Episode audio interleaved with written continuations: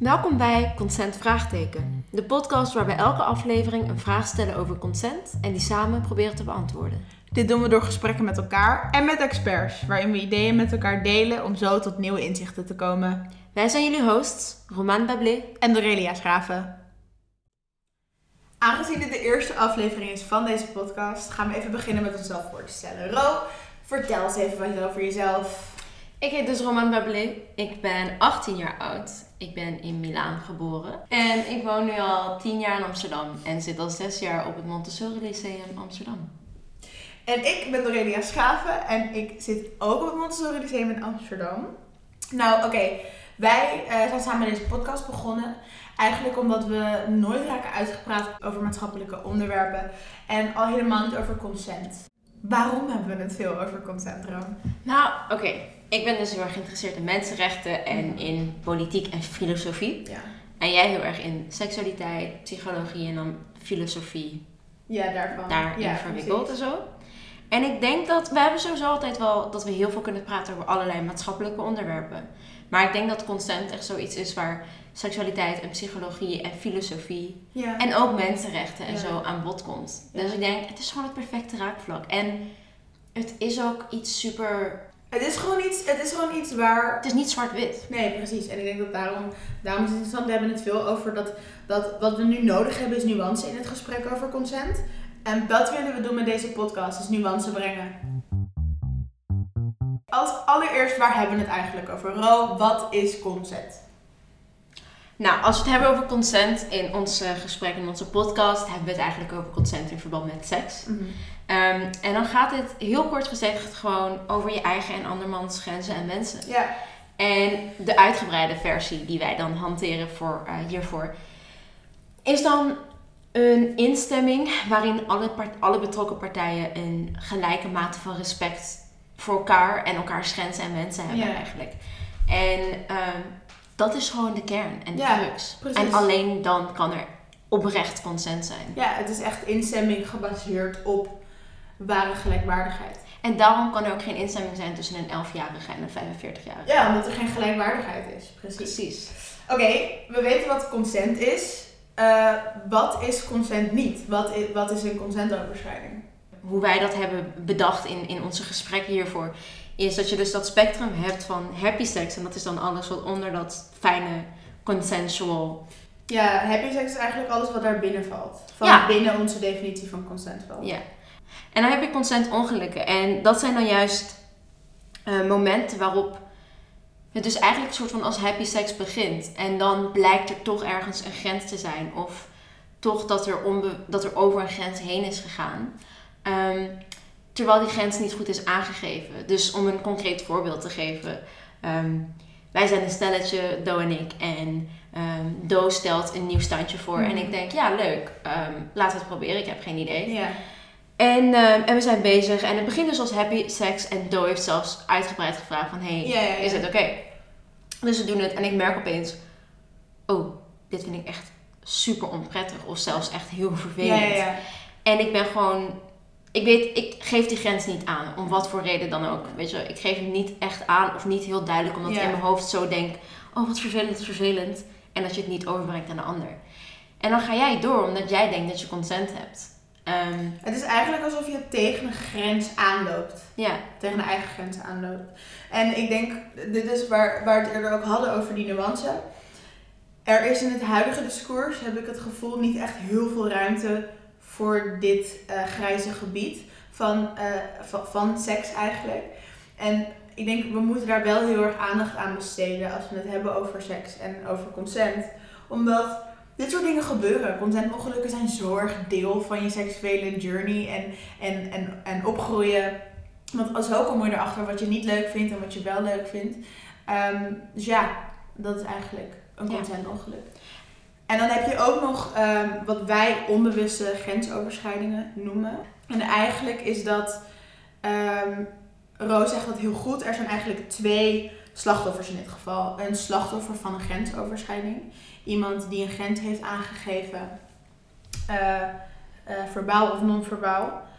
Eh, en iemand die slachtoffer is van onwetendheid. Iemand die, die niet de, de tools heeft gekregen en geleerd om eigenlijk die grenzen op te vangen. En wat wij zien is dat dit zoveel gebeurt. En ook zeker, ik denk in onze leeftijdsgroep, weet je wel, een beetje jong. Mensen die onzeker zijn, mensen die, die niet durven te vragen van... Hé, hey, uh, um, ja, maar ook, bij, maar ook bij ouderen die gewoon nooit überhaupt geleerd hebben. Want wij worden dan nog een soort van opgevoed in een MeToo-tijd. Waarin je denkt, waarin je toch wat meer mindful bent met of je over iemands grens heen gaat of niet. Maar ja, dus dat is inderdaad, er wordt dan wel een grens aangegeven. En dat is dan het verschil met een consent ongeluk. Want dan is het ook onbewust. Ja. Ehm, maar dan hier wordt er wel een grens aangegeven. En die wordt gewoon niet opgepikt. Ehm, zowel omdat het misschien onbewust is dat ze dat toch een beetje negeren. Omdat ze gewoon niet geïnternaliseerd hebben dat het ontzettend belangrijk is. om dat bij elkaar te respecteren. Ja, 100%. En dan als laatste heb je natuurlijk de onbewuste grensoverschrijding. De bewuste, de bewuste grensoverschrijding bedoel. En dat is een gevalletje uh, Harvey Weinstein. Ja, en, Harvey Weinstein, jezus. En um, ja, en dat is dan gewoon, er wordt dus een duidelijke grens aangegeven. En die wordt eigenlijk ook duidelijk, of nou iemand heeft die gewoon opgevangen. En gaat alsnog door met het grensoverschrijdend gedrag. En dan heb je ook te maken met een opzettelijke grensoverschrijding. En um, en dat zijn dan ook, ja, dat zijn dus de Harvey Weinsteins. En, en dat, he, dat heeft dan ook heel erg te maken met macht. Ja, ja. En macht willen uiten over de ander. Ja. En als je er weer stilstaat, hoe crazy het is dat MeToo eigenlijk. Het was niet een beweging die de onbewuste grensoverschrijdende nee, gedragingen aan het licht bracht, maar niet de bewuste grensoverschrijdende gedragingen aan het licht bracht. Ja. Dus het was echt zo iets waarvan je denkt, ja, maar dat is toch vanzelfsprekend dat we dat als cultuur niet accepteren. Ja. Nee, we hadden MeToo nodig om dat cultureel te verwerpen. Te erkennen, ja, precies, 100%.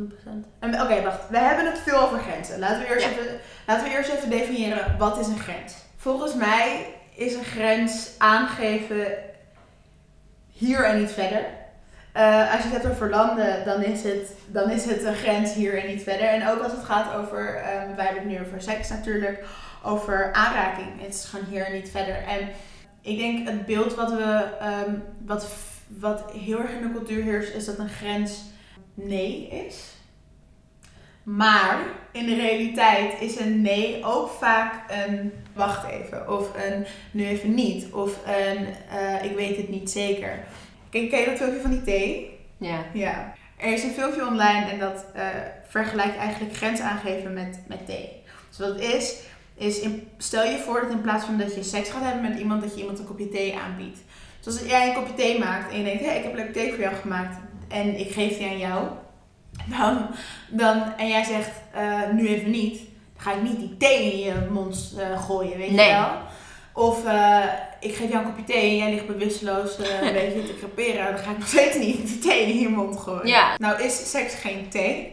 Maar het is wel een hele goede tool om een beetje in, in grip te krijgen. De nuance van taal. En dat nee is nee, hè, dat is duidelijk. Maar dat veel meer dan dat ook nee is. Ja, en ook dat het niet... Kijk, wat we nu natuurlijk ook heel veel krijgen is dat idee van... oh, ik mag ook niks meer en ik durf niet meer te flirten met iemand die ik niet ken. Want ook flirten, dat is niet iemands tiet vastpakken terwijl je langsloopt. Ja. Flirten is gewoon oogcontact maken, duidelijk maken dat je iemand leuk vindt. Want dat is ook al een beetje consent vragen, weet je wel? Dat is ook ja, je gaat toch ook niet gewoon naast iemand zitten en de arm aanraken en strelen voordat je een soort van een teken van erkenning hebt gekregen. En hier komen we al ook een beetje op die non-verbale, uh, dat non-verbale aspect van grenzen aangeven. Weet je, we moeten ook niet, niet ontkennen dat seks gewoon voor een heel groot deel non-verbale communicatie is. Het, het is een vorm van non-verbale communicatie. En je kan ook best wel grenzen aangeven of, of grenzen, of niet eens grenzen aangeven. Grenzen en wensen, je kan het allebei. Precies, aangeven op een non-verbale manier. Bijvoorbeeld door mee te zoenen als je wordt gezoend, weet je wel. Of bijvoorbeeld door even langer oogcontact te houden. Um, en een andere versie van non-verbale grenzen aangeven, uh, waar die de laatste tijd heel erg naar het licht is gekomen, is de bevriesreactie. En de bevriesreactie houdt eigenlijk in dat een slachtoffer van grensoverschrijdend gedrag bevriest. In Eh, plaats van bijvoorbeeld keihard tegen vecht of tegen stribbelt. Precies. Want wat er eigenlijk gebeurt dan, is dat je brein in eh, een flarden van een seconde de keuze maakt: ga ik nu eh, rennen, ga ik nu vechten, of ga ik iets anders doen om mezelf te beschermen? En wat er eigenlijk vaak gebeurt, is dat een slachtoffer probeert te rennen of te, te vluchten, maar dat het niet kan, omdat dat is geprobeerd en is mislukt. En nee is niet gerespecteerd, of wegrennen is niet gerespecteerd, nou noem maar op. Of niet is opgepikt. En dat, ehm, dat je dan bevriest. En je lichaam doet dit om jezelf te beschermen. Je lichaam doet dit om, om het aantal verwondingen wat je krijgt eigenlijk te limiteren. En deze bevriesreactie gebeurt in 70% van de gevallen. En dat is echt bizar veel. En eh, dat, dat, dat slaat heel erg aan op die onbewuste grensoverschrijdingen, waarin een dader, of ja, een dader, zeg maar iemand ziet bevriezen en niet in staat is om te vragen: Yo, is dit nog chill?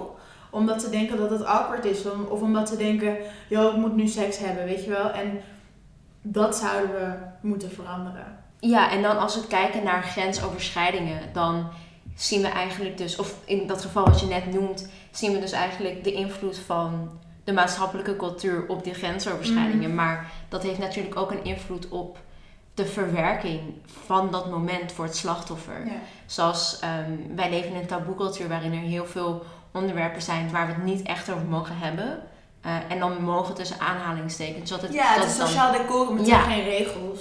Precies, het is, het- als je het doet, dan ja, is het toch een beetje ongemakkelijk. Ja, Eh, zeker in de meeste kringen. En, en ongemakkelijk is ego-dood. Weet je, ongemakkelijk is het ergste wat er kan Ja, gebeuren. precies. En dat is ook waarom de, de dader dan niet vraagt: hey, Ja. wil je dit nog? Want stel je voor, ze zegt: eigenlijk heb ik geen zin meer. Ja. Oh my god. Ja, stel je voor. Ja. Ja, want even tussendoor, grensoverschrijdend gedrag heeft gewoon echt kutgevolgen. Het zorgt ervoor dat slachtoffers trauma krijgen. En trauma, dat is eigenlijk heel kort gezegd eh, een soort fout opstaan van een herinnering in je hoofd. Het zorgt ervoor dat je eh, bijvoorbeeld flashbacks kan hebben of depressie kan krijgen of, of ehm, verslaving kan krijgen, nou, noem maar op. En Eigenlijk gewoon een ervaring die ehm, zo ingrijpend is voor je zelfbeeld. Dat, dat het gewoon. Dat het zich in bepaalde manieren uit in je dagelijkse leven. Of kan uit in je dagelijkse Ja. leven. En dat brengt ons eigenlijk al meteen naar waarom we consent nodig hebben, is om, om dit te voorkomen. Want hier hebben wij het ook veel over gehad. Het feit dat, want in in de dierenwereld is seks niet iets waar, waar dieren over communiceren. En hé, hey, dit wil ik, nee, dit wil ik Ja. ook, weet je wel. Sterker nog, meestal is het echt ronduit verkrachting. Ja, precies. We hebben echt zo'n lijp onderzoek gedaan naar dolfijnenverkrachting vandaag. dat is trouwens echt heftig. heel heftig, Echt inderdaad. vet heftig. Gewoon groepsverkrachting bij Maar ook van mensen. Maar ehm, ik denk dan toch vaak na, waarom vinden we het zo erg? Of tenminste, waarom heeft het zo'n invloed op ons grensoverschrijdend gedrag? Ja, ehm wij zijn dus mensen. En het feit dat we mensen zijn is omdat we bewustzijn hebben. Ja, en dus door dat bewustzijn, dat gaat gepaard met een zelfbeeld. Mhm. En dat zelfbeeld, dat... Als je... Kijk, hoe meer je in de overlevingsstand staat, hoe minder dat zelfbeeld of een aantasting van dat zelfbeeld ehm, een soort van hoofdrol krijgt in je hoofd. Omdat je bent gewoon bezig met letterlijk Beetje overleven. survive, Ja. ik moet gewoon in leven blijven, instinctief. Ja. En ik denk dat inderdaad als je dan dat zelfbeeld hebt en je leeft gewoon in een, in een staat van redelijk welzijn, dat je niet meer hoeft te zorgen, bang hoeft te zijn dat je al twee weken niet hebt gegeten of al twee dagen niks hebt gedronken en daarna op zoek moet gaan. Ehm, maar dat je gewoon kan nadenken over jezelf en je zijn en het zijn van de maatschappij. En het zijn van jij in deze maatschappij en jij tot verhouding van anderen. Ja. En dan is er opeens iemand die eigenlijk zegt: Ja, maar jij doet er eigenlijk helemaal niet toe. Ja. Ik, ik gebruik gewoon dit tastbare Ik lichaam van lichaam, jou. Ja. Ehm, Dat is het. Het is echt het dehumaniseren van wie jij bent als mens. Is, en dat is fucking traumatiserend. Omdat wij mensen hebben allemaal een zelfbeeld wat heel belangrijk is voor ons bestaan en onze perceptie van de wereld. En opeens zegt iemand van dat hele zelfbeeld wat je hebt eigenlijk. dat, dat maakt me niet uit, maar het gaat mij om jouw lichaam. En dat Ja. gebruiken. Oké. Ja. En inderdaad, het dehumaniserende, dat is de crux. En ik denk dat dat zorgt voor zo'n system shock van, van Ja. je perceptie van de wereld en van jezelf. Ja. Dat je weer opeens helemaal... je moet weer helemaal beginnen met alles weer op te bouwen van hoe je jezelf ziet en, en je eigen waarde en, en alles. Ja. En hoe andere mensen jou zien. Ehm, Terwijl dieren hebben geen zelfbeeld. Ja, ik heb ook wel eens grensoverschrijdend gedrag meegemaakt. Ik denk iedereen tot zekere mate. Ehm, maar voor mij heeft dat ook wel echt dingen gedaan met mijn zelfbeeld. En het was heel raar, want ik was er heel erg bewust van. Dus ik was al zo, wow, mijn zelfbeeld is helemaal veranderd. Dus om dat soort van mee te maken is heel vreemd. Maar het is wel echt een journey van, oké, ik, ik had dit beeld van mezelf. En dit is nu door externe factoren helemaal omgegooid. En nu moet ik het opnieuw gaan opbouwen. Ja, terwijl rationeel denk je misschien al eerder van... Nee, maar er is op zich ben ik gewoon nog mezelf. Ja, ja, Maar dat je emotionele... ja. En het is ook die cognitieve dissonantie tussen... Oh, ik ben mezelf. Maar ik denk helemaal kut over mezelf. En dan moet je daar een soort van mee om leren gaan. En dat is vet lastig en moeilijk en vervelend. Ook misschien omdat in dat moment heeft die persoon zoveel macht over jou. De, pers- de grensoverschrijder, Ja. zeg maar. Dat het is misschien dan ook dat het soort van je fysieke trauma en stress... En ook mentale trauma en stress die je op dat moment ervaart. Omdat die, man zo, die persoon zoveel macht heeft over jou. Dat je een soort van ook in je leven opeens moet resetten van... Oké, maar hij heeft eigenlijk niet zoveel macht meer over mij. Ja, Een soort van 100%. misschien weer een balans vinden tussen van... Oh nee, maar ik ben wel in charge. Ja, Op dat moment niet. Maar dat is dat niet voor de rest van mijn leven. Ik kan niet praten over andere mensen, maar ik weet wel dat als ik in, eh, dat is nu heel anders hoor, maar als ik in een drukke plekken was of zo, of als, ik, of als een man ineens veel te dicht bij me kwam, dan was ik echt super bang gewoon weer. En op dat moment merk je dat niet, maar nu retrospectief kan ik zeggen, ik moest toen beseffen, en dat is makkelijker gezegd dan gedaan geloof me, ik moest toen beseffen, je bent niet in gevaar. Je bent niet meer in gevaar, je bent nu veilig. En die gedachte is ook tegelijkertijd heel eng. Omdat je gewend raakt aan een, aan een mentale staat waarin je op je hoede moet zijn. En op een gegeven moment internaliseer je het zo erg, die angst, dat het deel van je wordt. Omdat die angst en die stress op dat moment is zo heftig. En zo'n sok aan je systeem. Ja, precies. En dat dan, je echt gewoon moet afkicken bijna. Ja, en dan, ineens, en dan ineens moet je ook dus beseffen. En ik denk dat daar niet is, daar is niet genoeg, genoeg aandacht voor. Is het besef hoe moeilijk het is om te accepteren dat je veilig bent en dat je oké bent. Ja.